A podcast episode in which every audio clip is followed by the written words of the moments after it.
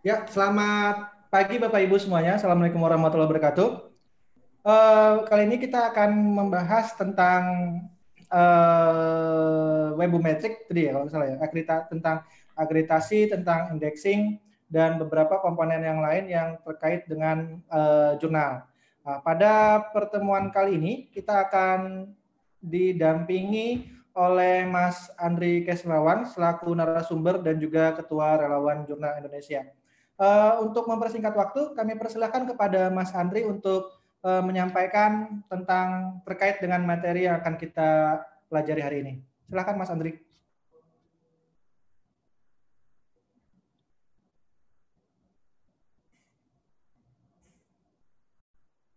Halo. Mas Andri.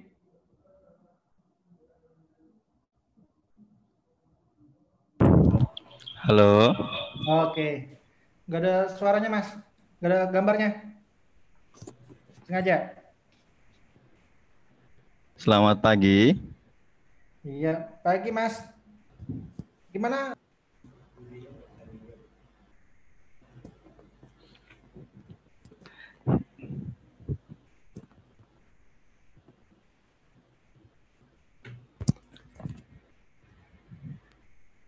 Silakan Mas Andri. Ya, sebentar.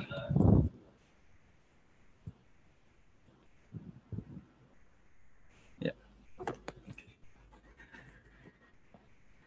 Baik, selamat pagi teman-teman warga pengelola jurnal yang bergabung di acara kita di program Belajar OJS. Pada kesempatan kali ini uh, saya akan diskusi ya, sedikit diskusi dengan Bapak Ibu sekalian um, terkait dengan persoalan yang baru-baru ini berkembang di di kalangan kita di pengelola jurnal. Jadi ada kegalauan, ada kerisauan para pengelola jurnal uh, yang mengaktifkan profil Google Scholar-nya untuk jurnal. Sementara itu di sisi lain um, apa namanya ada kebijakan-kebijakan lain yang justru berpengaruh pada uh, webometric uh, ranking ya. Jadi peringkat uh, webometric untuk ranking di perguruan tingginya. Baik, saya off-kan videonya dulu ya. Saya pindah ke tautan ini. Oh, Jadi iya, Bapak ya. Ibu yang hendak mengikuti presentasi saya bisa Oh, juga bisa suaranya ya, Bang? Ya, di forum. Jadi Bapak Ibu bisa lihat di forum. Di forum itu sebentar. Oke. Nah, Bapak Ibu buka forum.relawanjurnal.id ya. Nah, di sana ada tulisan saya yang berkaitan dengan uh, dengan judul persoalan Google Scholar dan di atasnya ada bagaimana agar artikel jurnal terindeks Google Scholar. Nah, jadi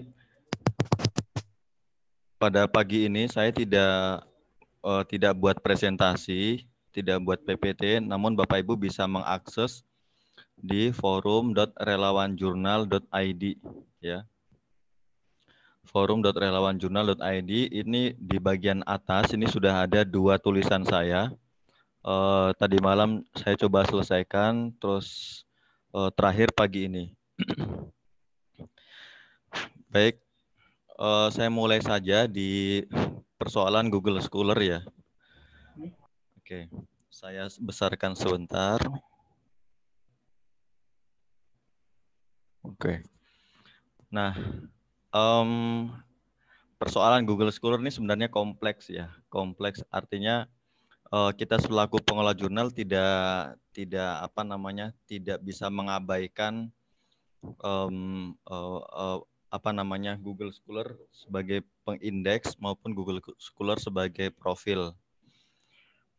Ada yang terakhir Google Scholar sebagai metrik. Jadi terkadang kita bahkan lupa ketika klik publish ya, klik publish terus lupa um, apa namanya menuliskan referensi gitu. Padahal sering saya sampaikan Bapak Ibu ketika mau klik publish di jurnalnya, misal artikel volume 1 nomor 1 bulan Februari 2020 mau diklik publish nih. Nah, Bapak Ibu harus cek satu-satu artikelnya. Cek satu-satu di sana uh, di bagian uh, edit metadata. Ini yang yang bagi penggemar OJS 2. Itu di summary, terus nanti di sana ada edit metadata. Nah, di bagian itulah nanti Bapak Ibu bisa uh, cek apakah referensinya sudah diisi atau belum gitu. Nah, karena itu sangat penting. Nah, uh, saya masuk ke bagian pertama nih ya. Di bagian pertama ini uh, apa namanya langkah-langkah bagaimana jika jurnal tidak terdeteksi di Google Scholar ya. Nah, jadi sebenarnya Google Scholar itu fungsinya itu buat author profil ya. Bukan buat jurnal, bukan buat departemen, bukan buat um, apa namanya kampus atau perguruan tinggi itu. Buat author profil gitu. Nah, coba aja Bapak Ibu buka Google uh, scholar.google.co.id di sana dimasukkan kata kunci jurnal. Nggak ketemu. Contoh ya, kita cek ya. Oke, kita contoh. Eh, sebentar. Contoh. Uh, klik ini ya, scholar.google.co.id. Nah. Saya masukkan jurnal apa? Ketahanan Nasional.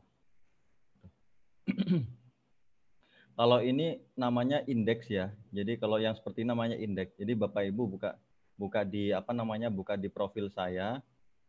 Eh, contohnya seperti ini ya. Kelihatan kan ya?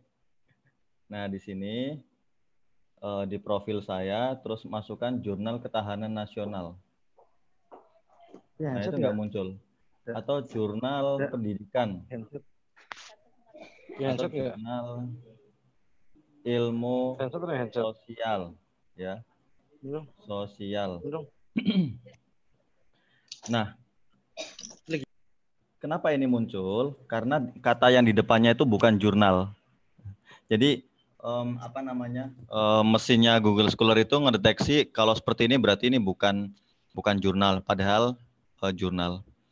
Nah, tapi kalau Bapak Ibu di depannya ditulis kata jurnal, uh, pasti nggak ketemu. Itu. Saya sudah nyoba. Itu.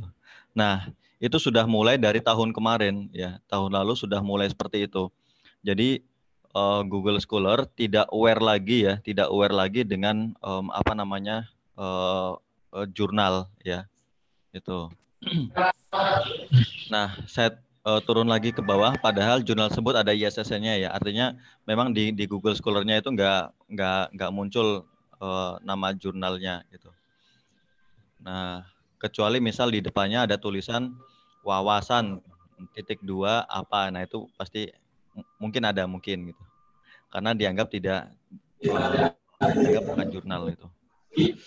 Nah selanjutnya saya turun lagi ke bawah. Aduh ini apa lagi Sebentar. Ya. Saya turun ke bawah. Terus, perlukah jurnal membuat Google Scholar? Nah, jadi apakah perlu jurnal ya yang tampilan seperti ini perlu membuat profil Google Scholar gitu. Nah, jawabannya ya tergantung Bapak Ibu sekalian. Ya, karena di sini di uh, coba Bapak Ibu buka Scholar google.com terus di sini ada about. Di sana menunjukkan bahwa uh, apa namanya beberapa fitur Google Scholar itu ditujukan bagi author profil ya. Bukan bukan jurnal profil gitu. atau bukan perguruan tinggi profil. Bukan. Nah tapi ini jadi dilema. Kenapa? Karena di pedoman akreditasi ya di pedoman akreditasi itu dibutuhkan. Nah, kalau citasinya lebih dari 25, maka kita dapat poin 5 itu. Misal ya, misal Bapak Ibu gara-gara gara-gara kemarin ada web uh, aturan terbaru webometrik terus rame-rame jurnalnya di off kan semua nggak nggak nggak pakai nggak pakai apa namanya nggak pakai profil Google Scholar itu ya sudah bapak ibu kehilangan lima poin nah misal ini ada jurnal apa CISIP jurnal ilmu sosial dan pendidikan gitu nah di sini kutipannya itu ada 26 kan lumayan seperti ini dapat eh, 5 poin gitu nah itu dilemanya jadi uh, uh, balik lagi ke sini perlukah jurnal membuat profil Google Scholar? Maka jawabannya perlu untuk kepentingan akreditasi. Kalau nggak ada kepentingan akreditasi, yang buat apa? Buat profil Google Scholar itu. Nah, kita lihat lagi penjelasannya. Penjelasan dari eh, ini ya di pedoman akreditasi kan ada salah satu penilaian namanya dampak ilmiah. Nah, dampak ilmiah ini ada dampak ilmiah dapat diketahui dari profil jurnal di Google Scholar. Lucu kan ya? Padahal Google Scholar digunakan untuk author profil. Tapi untuk um, apa namanya untuk uh, kebutuhan pengajuan akreditasi jurnal sesuai dengan pedoman akreditasi maka jurnal butuh untuk buat uh, profil Google Scholar. Nah, bagaimana dengan webometrik? Webometrik ini kan apa ya uh, uh, apa namanya yang yang meranking perguruan tinggi berdasarkan salah satunya Google Scholar ya Google Scholar gitu. Nah sebenarnya apa namanya Bapak Ibu bisa uh, soal misal persoalan persoalan Google Scholar yang yang seperti ini harusnya galaunya kemarin ketika uh, di awal-awal Sinta launching gitu. Nah di awal-awal Sinta Sinta Ristek Dikti itu yang launching kan oh, kita ketahuan. Jadi ada penulis-penulis yang mendadak jadi nomor satu itu. Karena Google Scholar-nya nggak bersih itu. Ngambil milik uh, karya milik orang lain masuk ke profilnya itu. Atau jurnal-jurnalnya juga seperti itu. Tiba-tiba uh, apa namanya uh, citasinya naik itu. Seharusnya pada waktu itu uh, Bapak Ibu galaunya itu. Tapi kenapa sekarang galau lagi itu? Dengan adanya uh, aturan terbaru dari webometrik. Nah, yang ini ya, yang yang di webometrik itu kan sudah jelas ya di di di webometrik.info uh, terus transparan di sana ada ada aturan-aturan yang salah satunya mempersoalkan Google Scholar ini apa namanya? Kalau ada Google Scholar profil penulis yang bukan karyanya itu dianggap nol. Terus kalau misal perguruan tinggi yang punya profil Google Scholar di sana, uh, terutama misal jurnal atau departemen punya profil Google Scholar gitu, itu juga dianggap tidak dihitung. Gitu nah, Bapak Ibu bisa bisa ini ya uh, apa namanya bisa lihat uh, di Google Scholar-nya. Jadi di bagian profil Google Scholar seperti ini ya, Bapak Ibu bisa masukkan uh, keyword ya, keyword kata kunci ya. Kata kuncinya diawali dengan tanda petik ya, seperti yang terlihat di layar ya. Seperti yang terlihat di layar, tanda petik. Ini coba saya coba akademik keperawatan bina insan. Nah, Bapak Ibu bisa bisa bisa cari kampusnya masing-masing. Kira-kira ada nggak yang profil Google Scholar-nya itu nggak bersih gitu, nggak bersih ya. Nah, caranya seperti ini buka uh, Scholar, terus Google, terus ya seperti ini profil profil Google Scholar kita gitu. Terus di bagian uh, search-nya ini Bapak Ibu masukkan Akademi Keperawatan Bina Insan. Ini uh, saya coba cari kena kampusnya itu. Bapak Ibu bisa cari nama kampus lain, misal Universitas Widya Gama, Mahakam gitu. Nah, cari. Setelah dicari muncul nih penulis dengan ranking pertama itu uh, saya nggak tahu apakah beliau ini dosen atau tidak. Yang jelas si uh, Mbak Barhatia Karina ini dia afiliasinya Akademi Keperawatan Bina Insan. Nah, kita coba lihat citasinya nih, paling tinggi. Sementara yang lainnya 300 ya. Yang lainnya 200. Dia citasinya sampai 26.000, 261.000 gitu.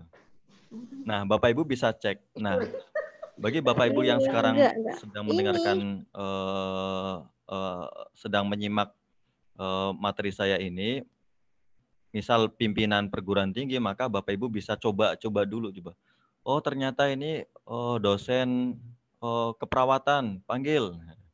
Kasih tahu profil guru scholarnya di uh, bersihkan dulu itu. Nah kita coba cek ya. Nah namanya Barhatia Karina. Tapi di sini tidak ada nama Karina. Di sini nggak ada nama Karina. Gitu.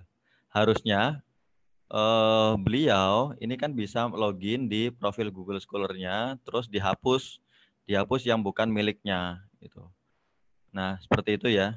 Jadi uh, Bapak Ibu ketika memantau uh, Google Scholar ternyata ada dosen-dosen atau bahkan ada profil-profil uh, departemen atau profil jurusan di Google Scholar itu disampaikan bahwa untuk diperbaiki itu. Nah, sampai ke sana memantaunya ya. Gitu. Nah, kembali lagi ke sini. nah, di bagian ini ya, di bagian ini simbometrik terus red list ya.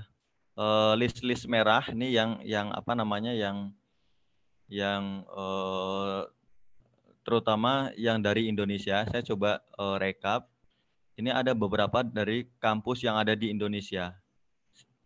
Google Scholar-nya kotor gitu. Ya kalau bahasa saya di sini kotor ya, tapi ya kurang bersih gitu aja. Kurang bersih gitu. Ini yang tadi gitu. Nah, yang seperti ini kan sebenarnya sudah sudah rame nih dulu di awal-awal Sinta Sinta launching itu sudah rame gitu. Tapi sekarang rame lagi. Eh, rame lagi karena berkaitan dengan webometrik. Nah, berkaitan dengan ranking-rankingan, eh, ranking-ranking yang ada di Webometric. Nah, ini nama kampusnya ada ini terus Universitas Negeri Makassar. Jadi ternyata tadi malam ini sudah sudah mulai di, di anu sudah mulai bersih gitu. Jadi ternyata ternyata uh, tulisan saya di forum dibaca oleh yang bersangkutan terus akhirnya bersih gitu. Yang yang milik Pak Ahmad ini sudah bersih ya. Sudah tidak ada milik orang lain gitu. Nah, saya harap juga uh, profil Google Scholar Bapak Ibu sekalian juga seperti itu. Terus di sini ada Ahmad Islahuddin Universitas Pajajaran Unpad ini ya dari Unpad. Ini linknya gitu. Terus ini ada William Renaldi uh, dari UIN Raden Fatah Palembang. Ya. Terus yang terakhir ada yang dari Aceh ini seperti itu. Nah, ini ini saya ngambil dari red listnya Webometric ya. Jadi webometrik itu membuat uh, list-list yang bermasalah tidak hanya tidak hanya uh, dari Indonesia itu dari seluruh uh, dunia itu yang yang uh, apa namanya yang buat ranking di webometrik. Terus nah, catatan saya di sini terus bagaimana uh, kita sebagai pengolah jurnal ya mestinya nggak usah berlebihan gitu. Uh, santai aja gitu. Anggap aja nggak ada nggak ada masalah itu. santainya itu sesantai sesantai uh, bapak ibu yang ngelola jurnal dan nggak ada anggarannya. Kan santai toh? Uh, jadi santai aja nggak usah terlalu berlebihan nanggapi yang seperti itu. Jadi bapak ibu tinggal menunggu kebijakan dari pimpinan gitu. Kalau pimpinan bilang uh, profil Google Scholar-nya lanjut ya lanjut gitu.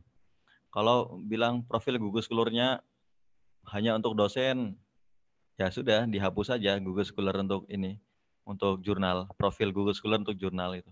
Konsekuensinya adalah ketika nanti mau maju akreditasi ya nggak dapat poin di bagian profil Google Scholar gitu. Nah itu ya. Terus nah di sini saya buat seperti ini. Jadi nanti bapak ibu bisa japri saya. Nah di poin yang ketiga jika kedua-duanya dijalankan webometrik nggak kena, terus profil Google Scholar untuk jurnal tetap jalan, itu ada triknya ya. Triknya itu uh, nanti Bapak Ibu bisa japri atau mau di anu di sini langsung. Mau dijelasin langsung atau gimana? Langsung kalau ya? bisa langsung aja, Mas. Langsung. Nah, kalau langsung tuh gini caranya. Jadi Bapak Ibu buat profil jurnal ya, profil jurnal Misal profil jurnalnya apa? Profil jurnalnya ini ya. Uh, misal anggap aja ini profil jurnal. Ya. anggap aja ini profil jurnal, Bapak Ibu edit di bagian ini ya. Di klik edit, terus afiliasinya dikosongkan. Terus email verifikasinya juga dikosongkan. Sudah simpan. Ya, simpan. Gitu aja. Jadi cara untuk uh, apa namanya? Cara untuk uh, menjalankan kedua-duanya ini gitu ya. Uh, profil Google Scholar untuk jurnal jalan dan dan nggak kena webometrik, terus webometriknya juga nggak nggak nol. Nah itu bapak ibu bisa bisa bisa uh, melakukan dengan cara masuk ke profil Google Scholar jurnalnya. Ini saya anggap bahwa bapak ibu sudah familiar. Itu. Nah, terus klik di sini ya, klik di sini. Misal ini nama nama jurnal, Terus Bapak Ibu klik di sini ya, klik di sini. Terus di afiliasinya itu dikosongkan. Terus di bagian email ininya juga dikosongkan. Uh, uh, Sehingga misal ya, misal uh, uh, robotnya robotnya Google Scholar mau nyari ya, mau nyari afiliasi namanya Universitas Widyagama Mahakam, maka nggak kedeteksi di uh, Google Scholar gitu. Nah, itu orang Indonesia kan gitu, caranya nyari nyari nyari celah yang nggak bisa kedeteksi seperti itu.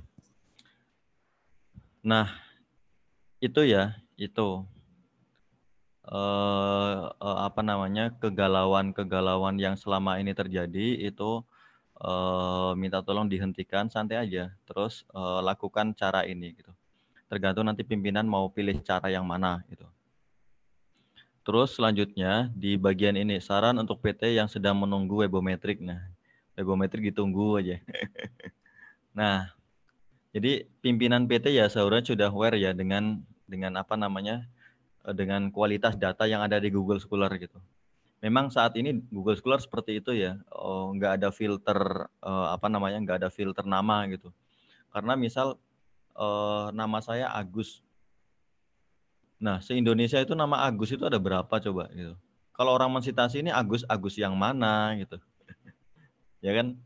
Misal saya mensitasi tulisan uh, tentang uh, apa namanya bagaimana uh, rasa kopi di kabupaten di uh, di provinsi Bengkulu itu.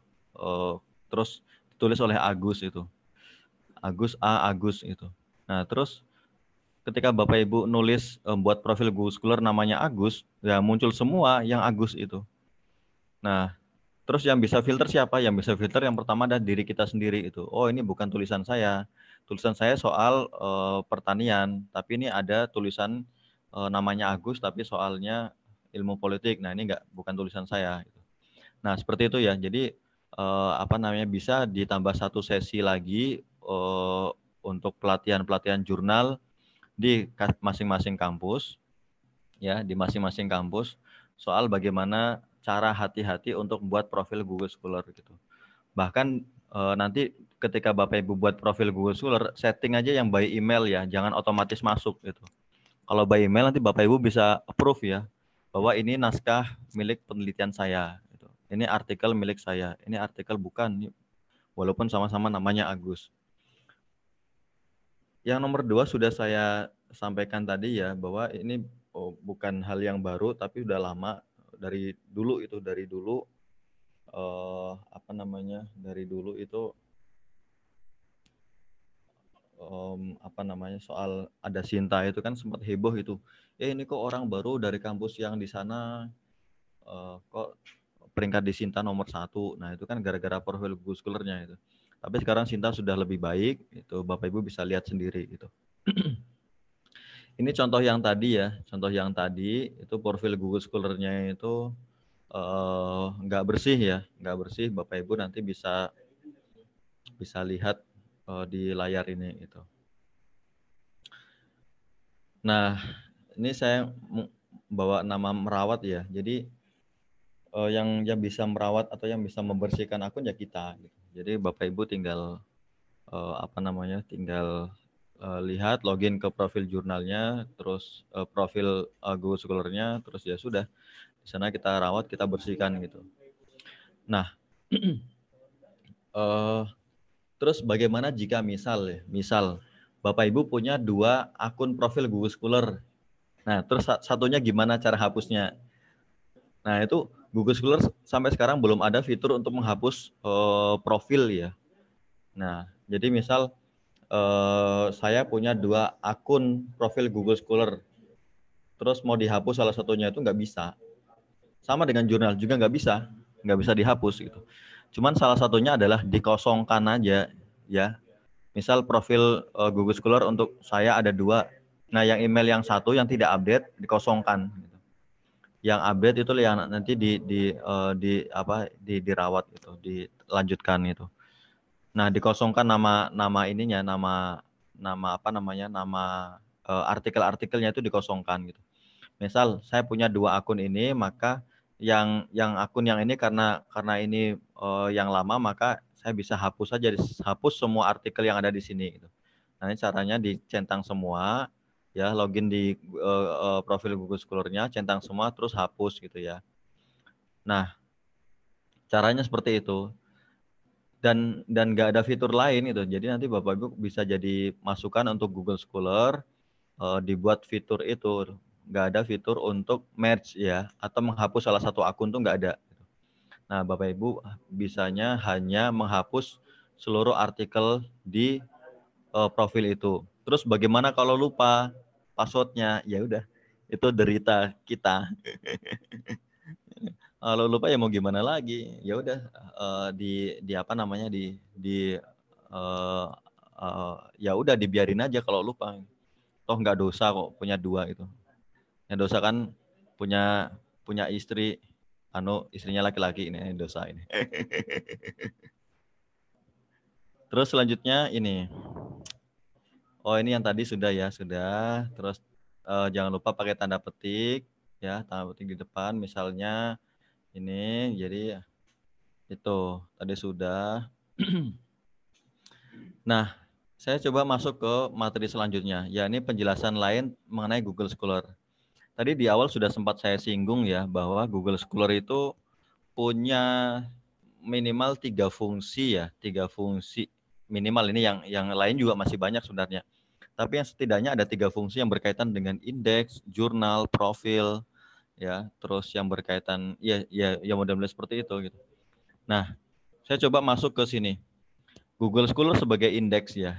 Yang tadi di awal saya sampaikan di, ini ya. Jadi ya seperti ini. Kalau Google Scholar sebagai indeks itu tampilannya seperti ini. Bapak Ibu tinggal masuk ke uh, Scholar Google atau googling aja Google Scholar gitu. Terus ketika muncul tampilannya seperti ini, Bapak Ibu masukkan masukkan eh, apa namanya ISSN-nya, jangan nama jurnalnya. Nama jurnalnya nanti sama, misal jurnal teknologi laboratorium, ah, se Indonesia udah banyak gitu. Jangan protes Pak Budi. Nggak kedengeran, Be. Nah, jadi di, yang dimasukkan adalah ISSN-nya. Jadi masuk ke Google Scholar, masukkan ISSN itu. Terus muncullah artikel-artikelnya di sini. Itu. Nah, kalau nggak muncul, ya ditunggu aja. Nanti ada tahapan berikutnya yang saya jelaskan. Itu. Nah, ketika muncul seperti ini, Bapak Ibu perlu cek source sebelah kanan, ya, sebelah kanan ini. Source-nya itu benar nggak ke alamat web jurnal kita. Kalau tidak benar, ya, maka Bapak Ibu perlu curiga. Ini sebenarnya siapa sih yang mengindekskan jurnal saya ke Google Scholar itu? Oh ternyata lebih uh, mesinnya uh, robotnya Google Scholar itu lebih lebih familiar dengan semantic scholar gitu. Lebih familiar dengan neliti. Nah, itu perlu dicek lagi gitu. Nah, jadi itu perlu perlu cek ya. Semuanya Bapak Ibu uh, apa namanya mendapati ya artikelnya di sini artikel jurnal kita. Terus sebelah kanannya neliti neliti neliti atau semantic scholar semantic scholar semantic scholar itu. Nah, itu Bapak Ibu perlu komplain itu Nah, komplainnya ke mana? Komplainnya ke RJI. Enggak, komplainnya jangan ke kita lah. Kita itu bantu kok ya. Komplainnya itu ke pemiliknya itu. Jadi misal komplain ke peneliti atau komplainnya ke uh, uh, ke semantik sekolah gitu. Karena nanti akan mengurangi uh, kunjungan ya, kunjungan uh, orang ke jurnal Bapak Ibu itu. Misal saya uh, tertarik dengan artikel ini, terus saya klik ke sebelah kanannya, ternyata masuknya ke semantik scholar. Itu kan harusnya saya klik masuknya ke jurnal toh, ke jurnal Bapak Ibu sekalian. Nah, seperti itu ya. Nah, it, nah, yang seperti ini, ini namanya indeks Google Scholar gitu ya. Ya, paham? Nah, jadi ketika misalnya, ketika misal nih saya nemukan, saya saya kok tertarik dengan jurnal stikes ya, lagi kesemsem ini. nah, jurnal di, nah seperti ini. Misal, indexed by Google Scholar ya. Seharusnya linknya itu mengarah ke sini ya, mengarah ke sini gitu. Ini link link ini yang diambil ya, link ini yang diambil. Bukan profilnya, bukan profil jurnalnya gitu. Bukan ke sini.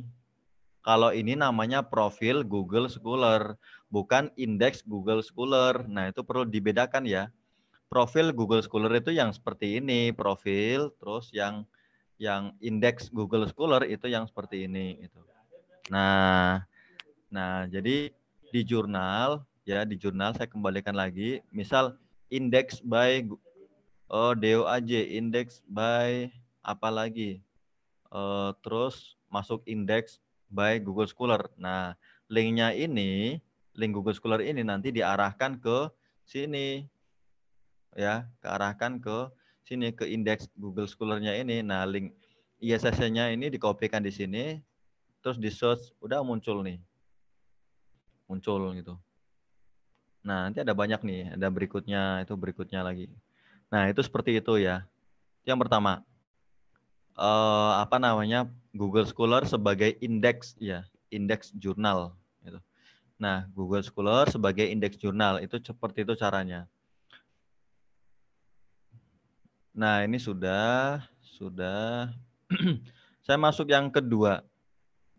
Google Scholar sebagai metrik ya. Google Scholar sebagai metrik ini Bapak Ibu bisa ikuti aja di diklik di linknya itu ya. Um, apa namanya? Nah, tampilannya seperti ini ya. Tampilannya seperti ini gitu. Google Scholar sebagai metrik ini di sana ada H5 median, terus uh, apa namanya H index uh, uh, H5 index itu. Nah, mereka punya penghitungan-penghitungan sendiri yang yang saya nggak tahu ini rumusnya dari mana gitu. Uh, uh, yang jelas di bagian ini itu adalah yang masuk ke ke top 100 ya, top top 100 Google Scholar Metric ini. Nah, itu adalah mereka yang H, H, H, H5 indeksnya itu minimal kalau dulu ya saya terakhir buka itu H minimalnya itu 5. Sekarang sudah 8. Nah, jadi kalau Bapak Ibu mau masuk ke Google Scholar Metric ini, itu menggunakan bahasa Indonesia. Atau bahasa Inggris bisa juga. Atau bahasa-bahasa yang lain bisa juga. Dengan catatan H indeksnya itu uh, H H5 indeksnya itu uh, sesuai dengan ini apa namanya ketentuannya mereka. Ini saya nggak tahu juga ini mereka ngitungnya seperti apa ya, tapi yang jelas di bagian ini di bagian ini itu uh, bukan negara ya, tapi di bagian ini adalah in uh, apa namanya bahasa, bahasa ya bahasa. Itu itu Google Scholar Metric sempat dulu diwacanakan Google Scholar Metric itu setara dengan DOAJ, setara indeks menengah itu, tapi nggak tahu uh, jadi dimasukkan belum di pedoman akreditasi yang terbaru gitu. Nah sempat diwacanakan seperti itu. Gitu. Nah jadi uh, apa indeksasi menengah itu uh, dulu itu kan DOAJ, terus Copernicus, uh, Academic Search, Dimension, terus Google Scholar Metric.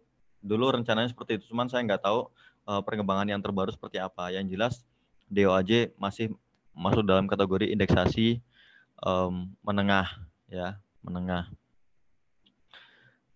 Itu yang kedua, tadi yang pertama saya ulangi, yang pertama itu Google Scholar sebagai indeksasi jurnal, uh, itu seperti ini ya tampilannya. Terus yang kedua Google Scholar sebagai metrik ya, metrik itu seperti itu.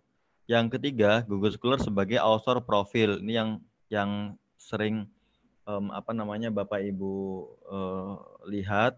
Uh, jadi uh, ini contohnya itu ya seperti ini ya. Uh, saya ambil teman baik saya.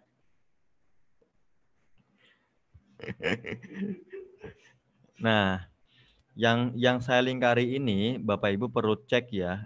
Itu yang tadi saya bilang. kalau Bapak Ibu uh, profil Google Scholar-nya itu uh, mau diverifikasi oleh kampus, maka uh, sebaiknya Google Scholar-nya bersih ya. Itu. Ini sudah bagus ini. Terus cek lagi di artikelnya, di artikelnya pastikan bahwa di sana ada nama kita gitu. Bukan bukan milik orang lain gitu. Nah, ini yang namanya profil Google Scholar gitu. Ada Google Scholar Index, ada Google Scholar Metric dan ada Google Scholar buat profil author profil. Nah, itu ya. Terus ya. Nah, ini di bagian-bagian yang saya lingkari adalah yang urgent. Oh ya, yaitu yang tadi artikelnya harus milik kita. Terus di bagian ini afiliasinya harus jelas. Kan mau mau masuk ke webometric, jadi harus jelas afiliasinya. Dan afiliasi ini perlu ditekankan ya. Jadi jangan jangan uh, jangan nanti menggunakan dua bahasa yang berbeda itu. Jadi misal kayak afiliasi yang di Scopus itu loh. Jadi kalau Scopus itu kan universitas uh, di Ponorogo gitu. Uh, langsung kan nggak ada nggak nggak disingkat nggak disingkat undip atau nggak pakai bahasa Inggris di Ponorogo of University atau pakai singkatan yang lain. Nah itu um, apa namanya perlu disepakati dulu Bapak Ibu di di apa namanya di internalnya masing-masing.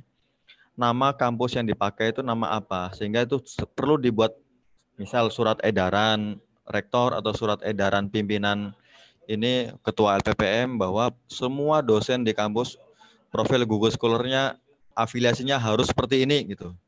Sudah nanti seragam. Ya, itu. Nah, terus ini ada yang yang unik ya, yang unik dengan apa? Dengan menambahkan gelar dan menambahkan orchid di belakangnya. Misal profesor siapa atau doktor siapa. Itu itu kalau bapak ibu baca baca ketentuan di webometrik itu enggak eh, apa namanya enggak kedeteksi dan dianggap nol.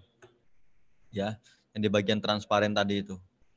Nah saya coba iseng-iseng ya eh, tadi malam saya coba iseng-iseng untuk cari namanya. Nah, saya coba saya coba searching orchid itu ya.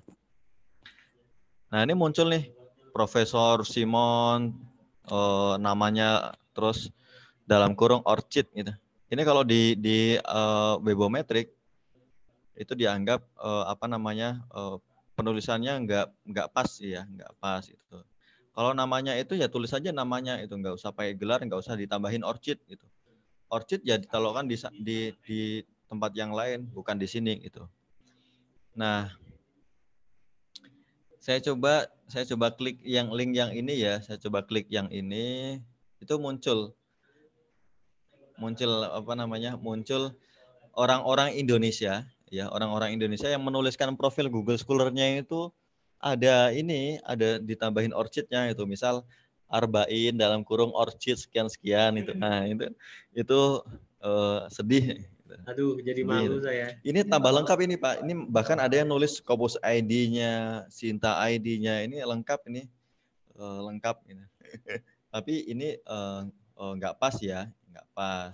Nanti bisa disampaikan aja ke uh, uh, Universitas Sanata Dharma itu. Sanata Dharma itu. Scopus ID cukup uh, apa namanya masuk di Scopus atau Sinta ID cukup di Sinta gitu. Orchid ID ya cukup di Orchid itu. Nah, Google Scholar ada sendiri, nggak perlu namanya tulis itu. Ini ada lagi ya, ini di mana ini di Stein Sorong, dia Stein Sorong seperti itu. Jadi ini eh, apa namanya nama-nama nama-nama beliau-beliau yang di Google Scholar yang perlu ditinjau ulang, ditinjau ulang, terus untuk diperbaiki. Kalau hendak eh, apa namanya mengejar Google eh, peringkat webometrik gitu. itu terus lanjut lagi ya lanjut lagi di bagian ini. Oh ini sudah. Ya sudah. Terus ya sudah. Jadi eh, saya kira itu ya um, apa namanya sedikit penjelasan saya terkait dengan Google Scholar dan dan persoalan webometrik kesimpulannya adalah di tiga hal ini ya. Tiga hal ini yang pertama kalau bapak ibu mau menggunakan Google Scholar-nya tetap ya silahkan itu karena uh, kekeh ya kekeh saya mau maju akreditasi eman-eman nanti dapat poin 5 gitu. Kalau dihapus profilnya kan nggak dapat nih poinnya gitu. Ya, silahkan gitu. Atau uh, pimpinan punya kehendak lain, misal Google Scholar untuk jurnal dihapus, ya silahkan rame-rame dihapus. Gitu. Karena apa? Karena khawatir ranking webboardnya nanti dinolkan. Gitu. Atau Bapak Ibu mau dua-duanya ya dengan cara ini. Gitu. Tadi sudah saya jelaskan ya caranya. Gitu. Jadi nanti Bapak Ibu bisa ikuti aja eh, cara-cara uh, itu. Gitu. Nah, terus satu pembahasan tadi yang yang saya pindah ya, saya pindah di uh, tempat yang yang lain yang di bagian ini gitu ya. Ya. Terus bagaimana jika ada artikel jurnal yang tidak terindeks di Google Scholar. Nah, Bapak Ibu bisa klik uh, topik ini ya. Topik ini bisa di bisa dibuka tanpa harus login ya. Tapi kalau Bapak Ibu mau komentar baru login dulu. Siapa tahu nanti yang komentar robot gitu. Nah, saya buka ya di materi selanjutnya. Oke, di materi selanjutnya ini saya menulis uh, apa namanya bagaimana artikel jurnal terindeks Google Scholar. Nah, jika sudah artikelnya sudah terbit terus um, apa namanya lama kok nggak masuk masuk Google Scholar nah itu um, apa namanya Bapak Ibu bisa melakukan ritual ini gitu. Ritualnya bukan pakai lilin ya, terus muter-muter bukan gitu. Tapi ritualnya pakai dua ini itu. Mudah-mudahan dengan disetting dua ini cepat terindeks Google Scholar gitu. Nah, yang pertama pakai setting Google Scholar Inclusion ya. Jadi Bapak Ibu buka aja googling partner das ya. Kalau enggak linknya juga ada nih, partner das ya google.com. Sudah muncul. Nah, sudah diklik, muncul tampilan seperti ini. Ya, sebentar. Ini koneksinya agak lambat nih. Koneksinya agak lambat, sebentar. Ya. Nah, di bagian ini, Bapak Ibu, kalau jurnalnya menggunakan OJS, maka klik OJS ya. Nah, klik OJS. Nah, sudah. Terus klik continue. Nah, selanjutnya di bagian ini Bapak Ibu bisa centang semuanya ya, centang. Oh ya, sebelum masuk ke sini Bapak Ibu pastikan email yang di sini adalah email untuk jurnalnya ya. Email yang ada di sini ya. Email yang ada di sini pastikan itu adalah buat jurnal atau ya buat jurnal itu sudah dicentang semuanya. Terus di bagian ini, Bapak Ibu uh, select ya, select artikel itu kira-kira setahun, ya setahun ya kalau nggak salah itu setahun itu berapa gitu. Misal setahun itu ada sampai seribu, ya udah seribu gitu. Homepage jurnalnya, ya homepage jurnalnya dimasukkan homepage jurnal itu. Misal jurnal uh, apa namanya teknolobjurnal.com. Nah, itu masukin ke sini tapi saya, saya masukkan bukan itu. Kontak name, kontak name-nya ya nama ini, apa namanya, nama kita selaku pengelola jurnal ya, bukan nama editor chief-nya atau bukan nama rektornya, atau bukan nama pacarnya. Nama kita selaku pengelola jurnal, terus alamat emailnya, alamat email eh, eh, apa namanya jurnal ya, terus diklik submit.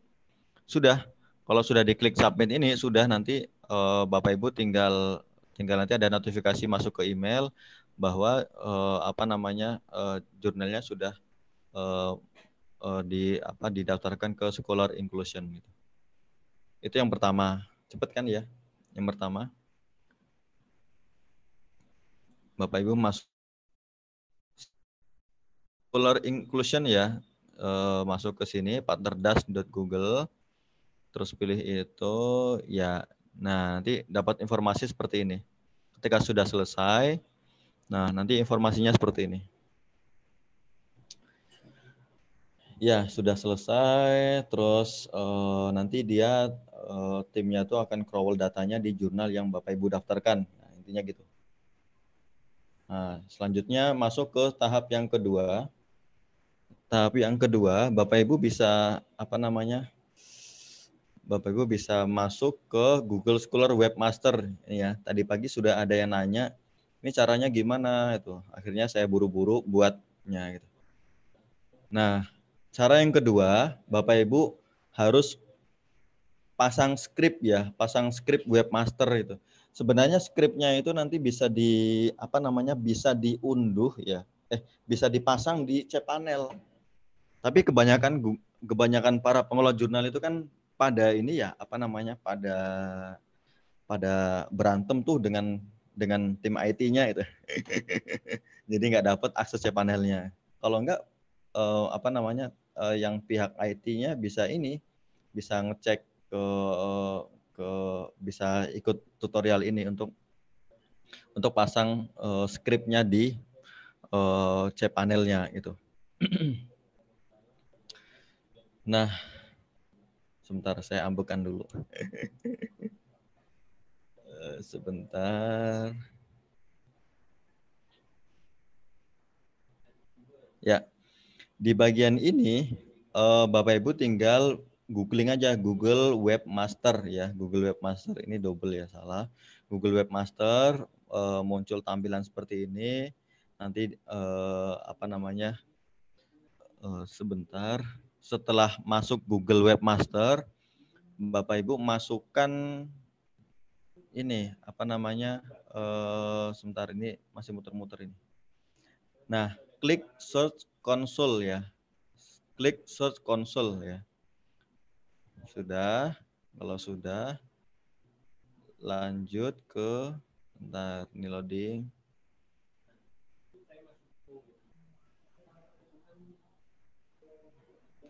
Nah, di bagian ini ya ada dua ya, tapi eh, apa namanya? Saya biasa makainya yang sebelah sini yang sebelah kanan ya. Yang sebelah kanan ini saya uh, Bapak Ibu bisa masukkan ini ya, masukkan URL jurnalnya di sini ya. Di sebelah kanan ya, sebelah kanan di layar Bapak Ibu sekalian. Jadi masukkan ke sini, terus klik terus ya. Terus memeriksa verifikasi kepemilikan jurnal. Jadi setelah diverifikasi muncul, nanti ada um, apa namanya? Nah ini sebenarnya HTML ini bisa di download, dimasukkan ke cPanel ya. Di sini ada banyak cara untuk memasukkan itu. ada masuk ke apa namanya ke Google Analytics, ada uh, Google Tag Manager, ada tag HTML. Terus ada ke penyedia domain. Ini ada ada banyak cara. Nah, untuk kita selaku pengelola jurnal yang tidak punya akses ke cPanel, maka Bapak Ibu bisa menggunakan ini tag HTML. Ini yang bagian atas ya, itu diklik ya diklik. Nah, ini sudah dapat nih oh, kodenya nih. Ini sudah dapat kodenya. Nah, Bapak Ibu tinggal klik salin. Salin itu bukan ganti baju ya, tapi salin itu kopi. salin kan bahasa Jawa ganti baju. nah, kalau sudah disalin, terus uh, apa namanya? Uh, uh, sudah disalin. saya kalau sudah disalin, ya, kalau sudah disalin, Bapak Ibu masuk ke jurnalnya, ya, ke jurnalnya itu. Misal saya buka jurnal ini ya, jurnal, terus Bapak Ibu login sebagai jurnal manager. Login sebagai jurnal manager. Sudah. Nah, setelah itu Bapak Ibu bisa uh, masuk klik bukan ke set administrator ya. Klik ke jurnal manager ya. Ke jurnal manager. Login sebagai jurnal manager ya. Terus jurnal manager ya. Jurnal manager. Nah, terus di sini Bapak Ibu klik setup ya, setup Nah, di bagian ini, di bagian detail ini terutama bagi bagi uh, apa namanya followernya OJS 2 ya. Followernya OJS 2 itu pasangnya di situ. Di bagian detail. Mas, terus bentar, Bapak Ibu scroll ke paling bawah ya. Apa? Scroll ke paling bawah, terus terus terus terus terus sampai ke 1.8 search engine. Nah, di bagian ini ada tulisan custom tag Bapak Ibu pastekan aja yang tadi disalin dari sini ya. Yang tadi disalin dari sini ya. Mana ini ya. Dari ini verifikasi kepemilikan ini salin. Kalau sudah diklik salin, Bapak Ibu masuk ke jurnalnya step 1 1.8. Terus masuk ke custom tag, pastekan di sini. Sudah, kalau sudah simpan dan continue. Ya. Kalau sudah simpan dan continue. Terus kalau sudah simpan dan continue, Bapak Ibu jangan lupa nanti klik verifikasi ya. Klik verifikasi itu. Nah, kalau di sini mana verifikasinya mana ini? Ya. Oke. Jadi anggap aja selesai. Nah, sebentar. Ini saya ulangi lagi ya. Saya ulangi lagi. Saya klik terus. Uh, bu, uh, apa? Nah, jadi kalau kalau ke, uh, apa namanya ini kan tadi sudah saya pasang skripnya di sini ya di di detail di setup 1.8 uh, detail. Nah di bagian itu 1.8 ada custom tag custom tag ya, custom tag itu. Nah, kalau sudah dipastekan di sini ya, pastekan di sini ya, pastekan di 1.8 di custom tag ini, terus simpan and continue, Bapak Ibu kembali ke konsol tadi. Kalau sudah sukses, ini buktinya seperti ini nanti. Verifikasi kepemilikannya sudah eh, apa nah, terverifikasi. Terverifikasi. Nah, artinya uh, apa namanya uh, nanti apa namanya uh, bootnya Google Scholar itu mudah-mudahan bisa datang ke jurnal kita dengan cara uh, dua cara itu. Yang pertama kita kita uh, aktifkan dulu uh, apa setting dulu di Google Inclusion ya di Partner Das. Terus uh, setting juga di uh, Webmaster Google Webmaster. Jadi dua cara itu uh, apa namanya untuk memancing ya, memancing agar jurnal kita segera terindeks ke Google Scholar. Nah, ini tadi cara-caranya sudah selesai. Nah, saya kira itu um, apa namanya yang dapat saya sampaikan. Ini sudah tamat ya, sudah sudah selesai. Uh, ke depan nanti ketika ada kasus-kasus baru mengenai Google Scholar, saya akan update data di forum.relawanjurnal.id. Jadi Bapak Ibu bisa bisa terus memantau kami di sana. Uh, terutama misal ketika Bapak Ibu sedang uh, apa namanya sedang kesulitan untuk buat profil Google Scholar atau membuat uh, kesulitan untuk setting itu bisa kontak-kontak saya atau kontak-kontak ke uh, HP admin ya, HP admin gitu. Atau ke email saya. Ini anu saya ya nanti Bapak Ibu bisa catat nomor WA saya kalau sekiranya oh, belum punya ini ya. Ini ini alamat email saya bisa dicatat. Terus oh, nanti nomor rekeningnya nanti. Pak Budi jangan ketawa. Oke, sementara ini dulu yang dapat saya sampaikan uh, uh, apa namanya? Saya kembalikan lagi ke Pak Budi.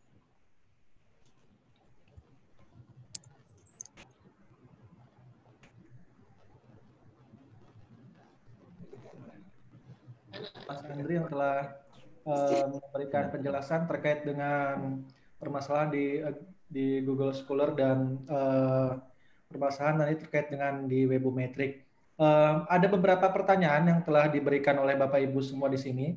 Namun setelah saya lihat ada mungkin beberapa pertanyaan yang sudah terjawab ya.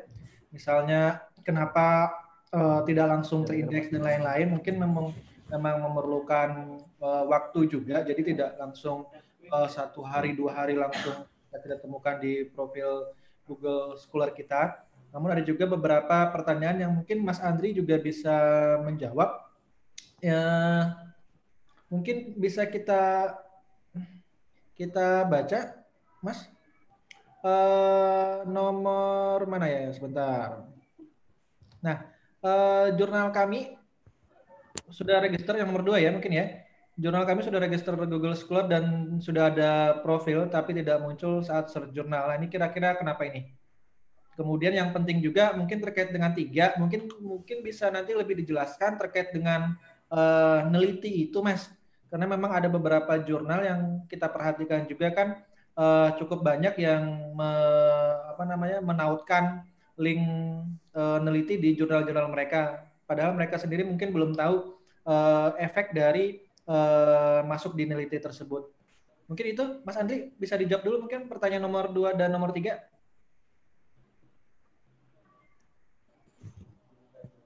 Halo. Oh, minta jawab. Ya, silakan Mas Andri. Saya sudah bisa jawab belum ini? Ya, silakan, silakan, silakan. Google Scholar artikel kenapa tidak semua langsung terindeks ya? ya sabar, sabar. Jadi um, apa namanya? Ada banyak persoalan sih ya ketika tidak semua Google Scholar uh, artikel itu masuk ke Google Scholar gitu.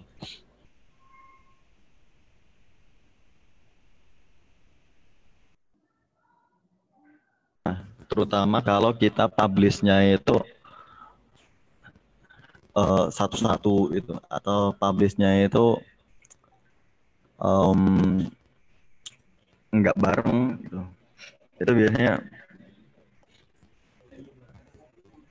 nggak semuanya masuk gitu. tapi kalau nggak semua masuk kan sebenarnya kita bisa masukin satu-satu kan ya. Yang penting uh, apa namanya udah muncul gitu.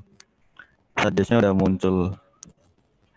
Itu yang yang uh, Google Scholar artikelnya kenapa tidak semua langsung terindeks. Itu seperti itu. Biasanya karena publishnya nggak bareng gitu. um, kalaupun bareng biasanya uh, setelah publish ada di edit-edit itu itu juga gitu Terus yang kedua, jurnal kami sudah register Google Scholar dan sudah ada profil, tapi tidak muncul saat search jurnal. Ya kan sudah jelasin tadi. Ya. search, ya nama ya, namanya di jurnal pendidikan matematika gitu itu susah karena Google Scholar sudah sudah mengubah algoritmanya terkait dengan uh, pencarian itu pencarian jurnal itu. Ya. Terus kalau sudah punya profil tapi artikelnya ketika di search di Google Scholar uh, indeks ya indeks Google Scholar tidak muncul maka jangan-jangan artikelnya baru terbit ya karena Google Scholar itu kan punya waktu ya punya waktu maksimal empat minggu empat minggu untuk crawl data di jurnal kita untuk dimasukkan ke indeks Google Scholar gitu. Pertanyaan nomor tiga, kenapa ketika artikel larinya ke Akademia Edu? itu kan sudah sudah di workshopnya RJY kan sudah sudah sudah mulai mulai tidak di ini kan ya sudah mulai tidak di uh, uh, apa sudah mulai nggak jangan deh jangan dimasukin ke akademia edu dan risetgate gitu. Itu alternatif yang lainnya. Jadi kalau nah misal ya yang nomor tiga ini gini. Saya menulis artikel di jurnal pendidikan uh, matematika gitu. Terus ketika Bapak Ibu search indeksnya di di indeks Google Scholar itu muncul tulisan di sana masuknya ke Akademia Edu. Jangan-jangan penulisnya itu mengunggah ulang full artikelnya ke Akademia Edu sehingga source-nya itu bukan ke jurnal tapi ke Akademia Edu. Nah, maka kita perlu lihat lagi lisensinya gitu. Lisensinya apakah harus share link ya lisensi jurnalnya atau CC by atau CC by ND CC by ND non distribusi gitu. Nah, kalau Bapak Ibu jurnalnya itu lisensinya ND, maka ketika ada penulis yang seperti itu, sebaiknya itu penulisnya ditegur gitu. Karena ya oh, apa namanya? Sebenarnya dulu ada persoalan riset gate ya riset gate itu ditegur oleh publisher besar itu bahkan sampai dipidanakan kalau nggak salah di di apa di di, di uh, masuk ke dilaporkan ke ke apa ke pengadilan atau ke mana itu karena um, apa namanya eh, uh, riset gate pada waktu itu itu menampilkan artikel-artikel yang dia close ya dari publisher besar yang close itu. Sementara ketika orang uh, carinya di riset gate itu semuanya open gitu. nah ada yang seperti itu. Pertanyaan nomor empat. Masalahnya author aktif sekali re-upload artikel mereka ke beberapa base artikel akademik itu. Tinggal di ini aja apa namanya kalau semuanya lisensinya lisensinya uh, eh, CC by SI ya nggak apa-apa atau CC by nggak apa-apa. Tergantung lisensi Bapak Ibu sekalian jurnalnya apa kalau ND terus ada uh, ada ada yang yang seperti itu ya perlu disampaikan gitu karena ketika ketika mengambil data yang sama itu terus tidak disertakan sumber aslinya maka itu uh, perlu disampaikan ke penulisnya itu pertanyaan nomor empat. Cara agar jurnal terindeks Google Scholar bagaimana? Yang pertanyaan nomor lima ini sudah saya sampaikan tadi ya. Cara terindeks di sana itu setting dulu di OJS-nya setting dulu di OJS-nya uh, apa namanya uh, setting tadi yang aktivasi partner DAS Google Inclusion dengan webmaster. Jadi di setting kalau sudah nanti paling itu empat mingguan jadi satu bulan. Terus yang nomor enam kalau melihat nya dilingkan ke OJS-nya pakai link yang dijelaskan Oh, yang nomor 6 itu kan berarti berarti dibuat dua. Yang pertama adalah indeks Google Scholar, terus yang uh, yang kedua adalah profil Google Scholar Journal. Jadi kalau mau lihat situasinya dari situ, ya, dari situ. Jadi indeksasi itu linknya itu nanti ke link ini apa namanya ke link indeksasi Google Scholar bukan profil.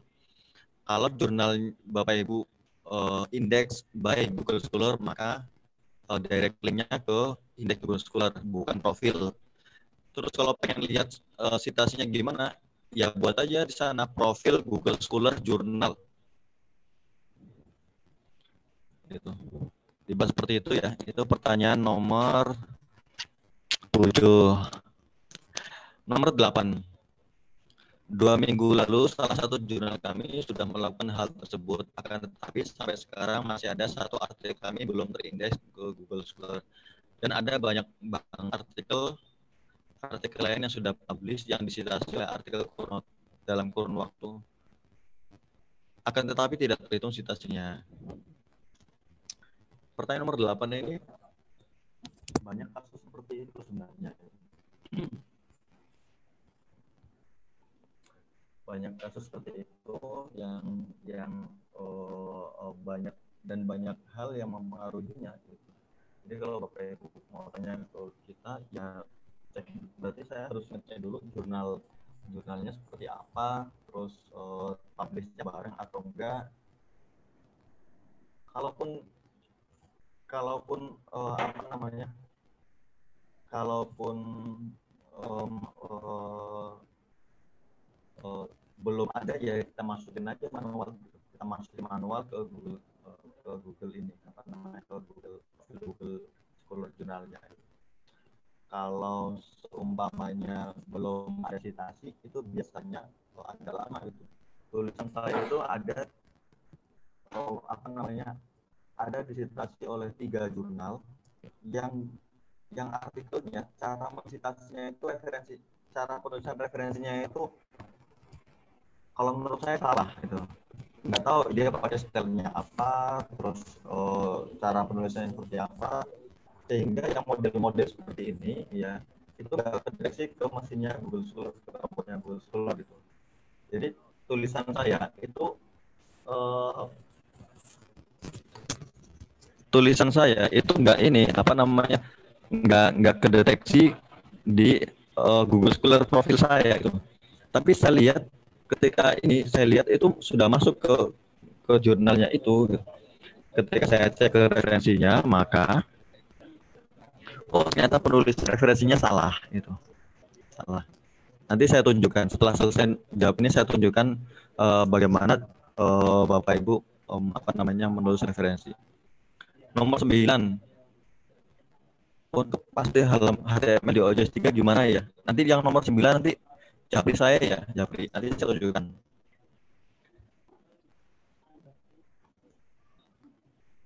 Uh, nomor 10 ini itu ya uh, untuk melihat nomor jejak. Jadi seberapa pentingnya mencantumkan author ID ya, uh, Scholar, ORCID untuk uh, akreditasi jurnal itu untuk melihat rekam jejaknya aja. Jadi misal saya menunjuk Pak Arbain sebagai editor saya itu, maka rekam Pak Arbain saya harus tahu gitu. Nah, dengan cara apa? Dengan cara menampilkan para pengelola jurnal menampilkan profil Google Scholar-nya atau menampilkan uh, ID, uh, menampilkan Scopus ID-nya atau kalau nggak ada ya ORCID-nya atau kalau nggak ada uh, profil-profil yang lainnya. Misal sekarang sudah mulai familiar namanya Pablon. Nomor 11, bagaimana jika viewer atau penulis sudah sering mereview atau menulis pada suatu jurnal, tetapi mereka tidak pernah mengordinir hasil tulisannya. Kalau nggak pernah mengordinir itu biasanya kita selaku staffnya atau selaku uh, tim di bawahnya itu untuk membantu mengkoordinir. Konsekuensinya adalah kita minta uh, uh, uh, apa password passwordnya password emailnya beliau gitu kalau sudah minta nah baru kita uh, uh, organize um, apa namanya organize uh, profil Google Scholar-nya itu terjadi di uh, salah satu kampus besar di Jogja itu ya setiap profesor itu punya asisten profesor yang tugasnya adalah ini ngecek profil Google Scholar-nya Scopusnya Sintanya Pablo-nya itu mereka ya dalam tanda petik akun medsosnya si profesor itu dikelola oleh uh, asistennya. Akun medsosnya ya kayak Oci, kayak uh, profil Google kayak Cinta kayak Scopus ID mereka uh, yang atur. Nah yang 12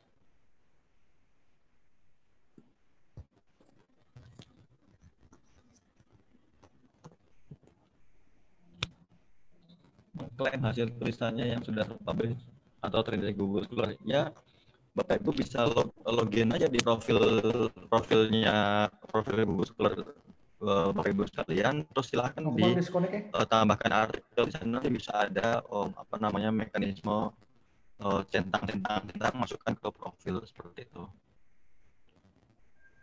Kalau seberapa penting ya penting ya. Menurut kita penting itu uh, untuk mengukur uh, ternyata uh, uh, uh, apa namanya author ini atau editor ini atau reviewer ini punya punya rekam publikasi sekian indeks di Google Scholar-nya sekian itu itu hanya sebagai salah satu indikasi salah satu indikator untuk uh, atau jadi editor atau reviewer jurnal.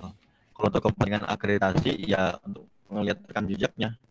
Itu pertanyaan terakhir yang nomor 13 nyambung ke pertanyaan 11 oh ya saya tadi sama pak saya kira itu uh, apa namanya uh, pertanyaan-pertanyaan tadi itu yang nomor 9 dari saya ya. Karena saya lagi nggak punya akses ke OJS 3 jadi kalau punya akses saya tunjuk sekarang. Gitu. saya kira itu Pak Budi silakan. Nomor tujuh gimana? Nomor tujuh bagaimana soal yang namanya hanya satu kata ya ya misal kayak Pak Arbain, Pak Arbain kan Arbain. Berarti kalau di Google Scholar-nya itu bisa dibuat dua, Arbain, Arbain, atau A titik Arbain. Kalau kalau citasi A titik Arbain, itu kalau citasi. Tapi kalau di Google Scholar, itu Arbain, Arbain. Kayak Agus, Agus. Ya makanya bisa yang bisa memilah itu kan kita gitu. Misal nama Arbain itu satu Indonesia ada 100 ya. Ya itu ini Arbain yang pertanian atau Arbain yang language. Kalau Arbain yang pertanian itu ya uh, artikelnya kan otomatis beda. Jadi yang bisa memfilter adalah diri kita sendiri. Saya kira itu yang dapat saya sampaikan menjawab pertanyaan-pertanyaan ini nanti bisa dilanjutkan. Silakan Pak Budi.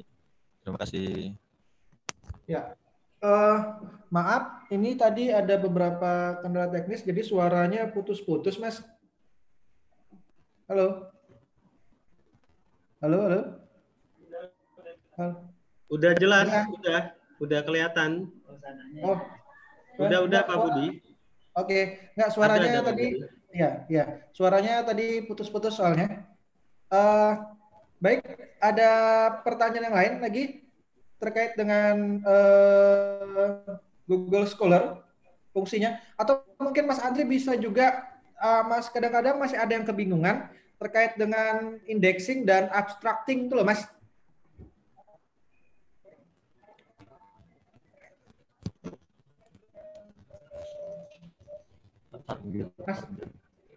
Halo.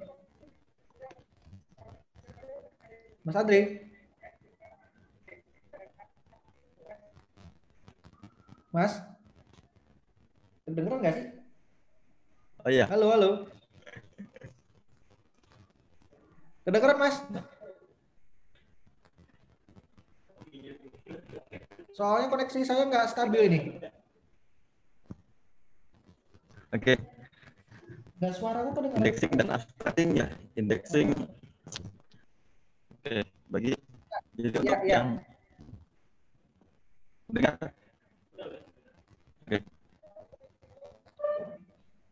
itu koneksinya ya.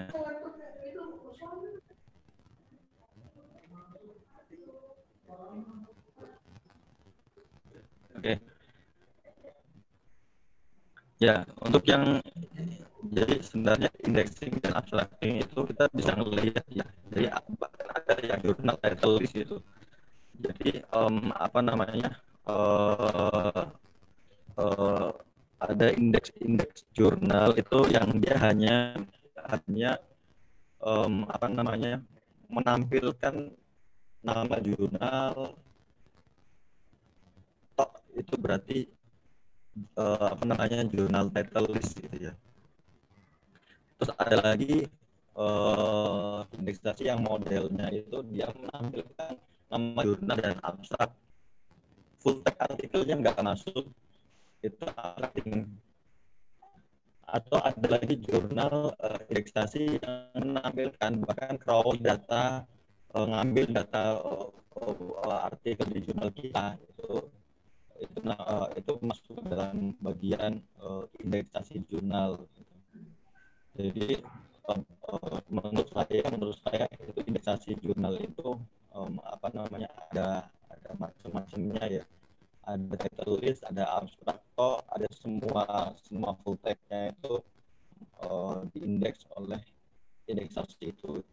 Nah, contoh misal DOAJ, DOAJ itu masuk dalam indeksasi karena semua informasi nama jurnal, uh, apa namanya, dia juga menampilkan list-list artikel jurnal tersebut. Garuda itu masuk indeksasi gitu karena Garuda juga meng, uh, menampilkan um, apa namanya menampilkan uh, list artikel di jurnal itu.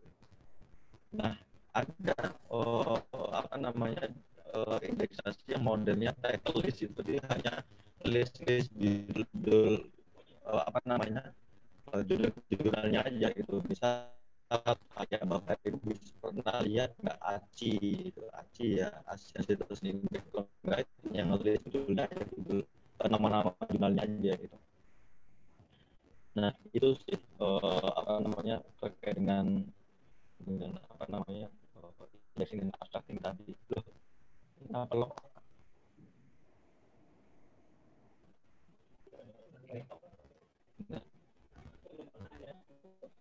Tambah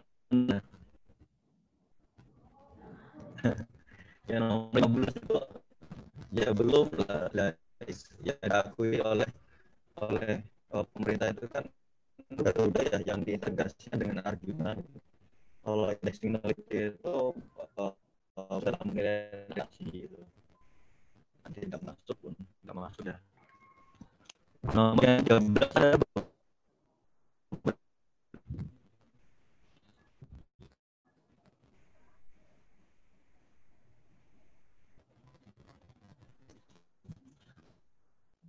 yang nomor 14 itu dengan hal lainnya belum belum terindeks yang menurut saya uh, ada banyak faktor. Terus kalau belum indeks apa kita mau nunggu? Ya kalau mau nunggu silahkan ditunggu. Kalau enggak ya bisa bapak ibu bisa ini um, apa namanya bisa masukkan manual ke OJS-nya ke prosedur-prosedurnya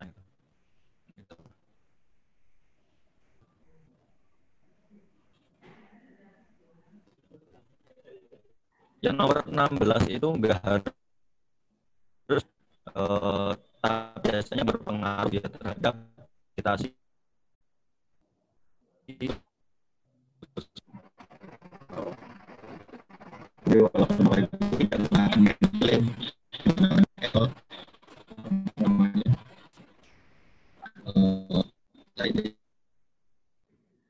Bisa.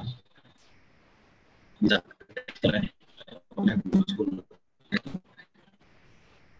pertanyaan sama ya maksudnya juga aja. Contoh satu ini satu uh, jurnal yang uh, apa namanya agak salah. Saya